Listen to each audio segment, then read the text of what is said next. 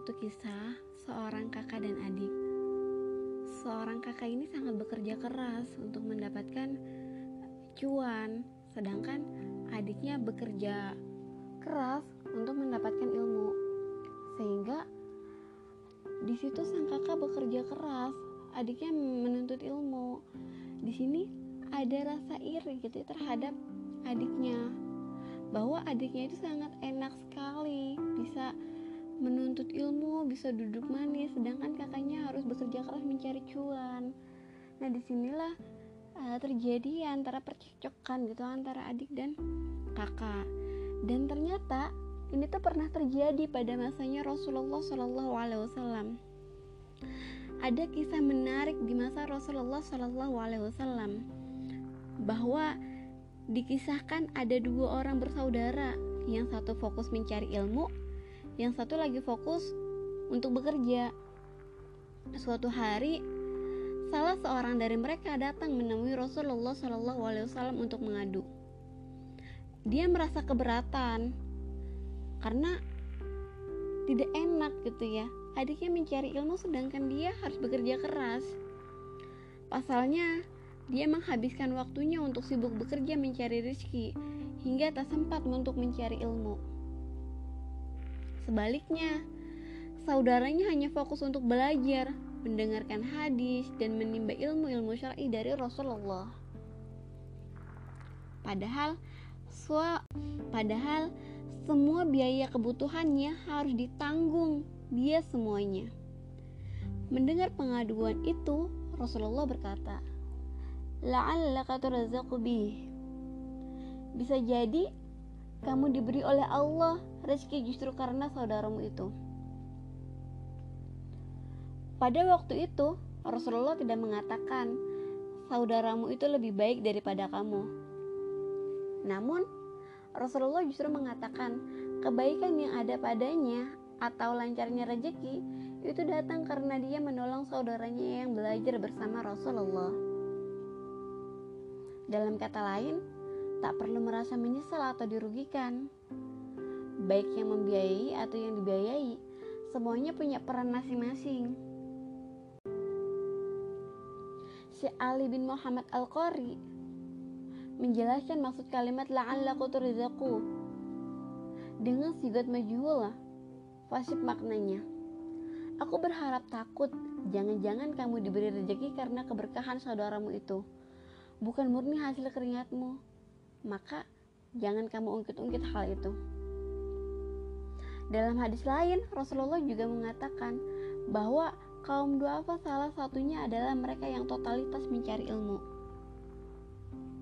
Bisa masuk dalam kategori ini adalah salah satu sebab pertolongan Allah dan datangnya rezeki.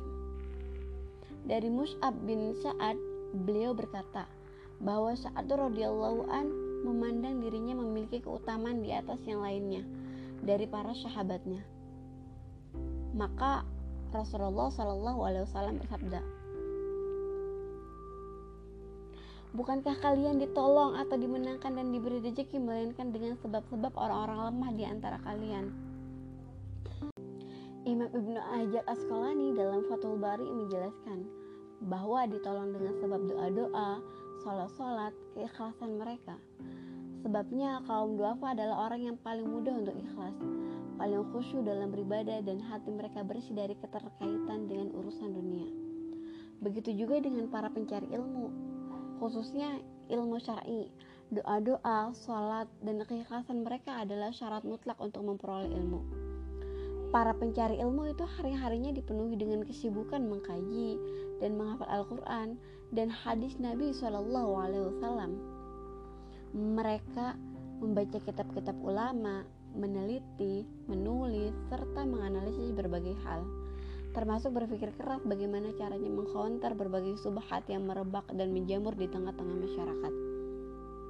Itu semua bukan urusan sederhana, perlu keikhlasan dan tekad kuat untuk menjalaninya. Juga harus merelakan manakala dirinya kehilangan bagian dunia. Begitu Begitu beratnya tugas para pencari ilmu, maka wajar kalau orang yang menjadi kafil atau orang yang menanggung biaya hidupnya selama mencari ilmu akan mendapat cipratan keberkahan di dunia. Salah satunya dengan dilancarkan rezekinya.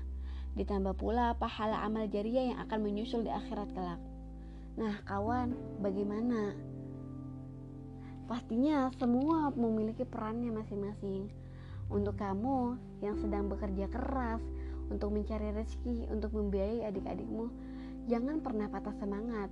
Karena dari situlah eh, rezekimu akan lancar. Karena keberkahan dari adikmu yang sedang menuntut ilmu. Dan untuk kamu, sang adik yang sedang mencari ilmu, jangan iri dengan kakakmu yang telah mendapatkan cuan maka lakukanlah sebaik-baiknya dalam menuntut ilmu. Bekerja keraslah untuk mendapatkan ilmu-ilmu itu dan amalkan apa yang harus diamalkan. Jangan pernah berhenti apalagi mengeluh untuk uh, mencari ilmu. Teruslah belajar, teruslah mengkaji dan teruslah untuk mengamalkan.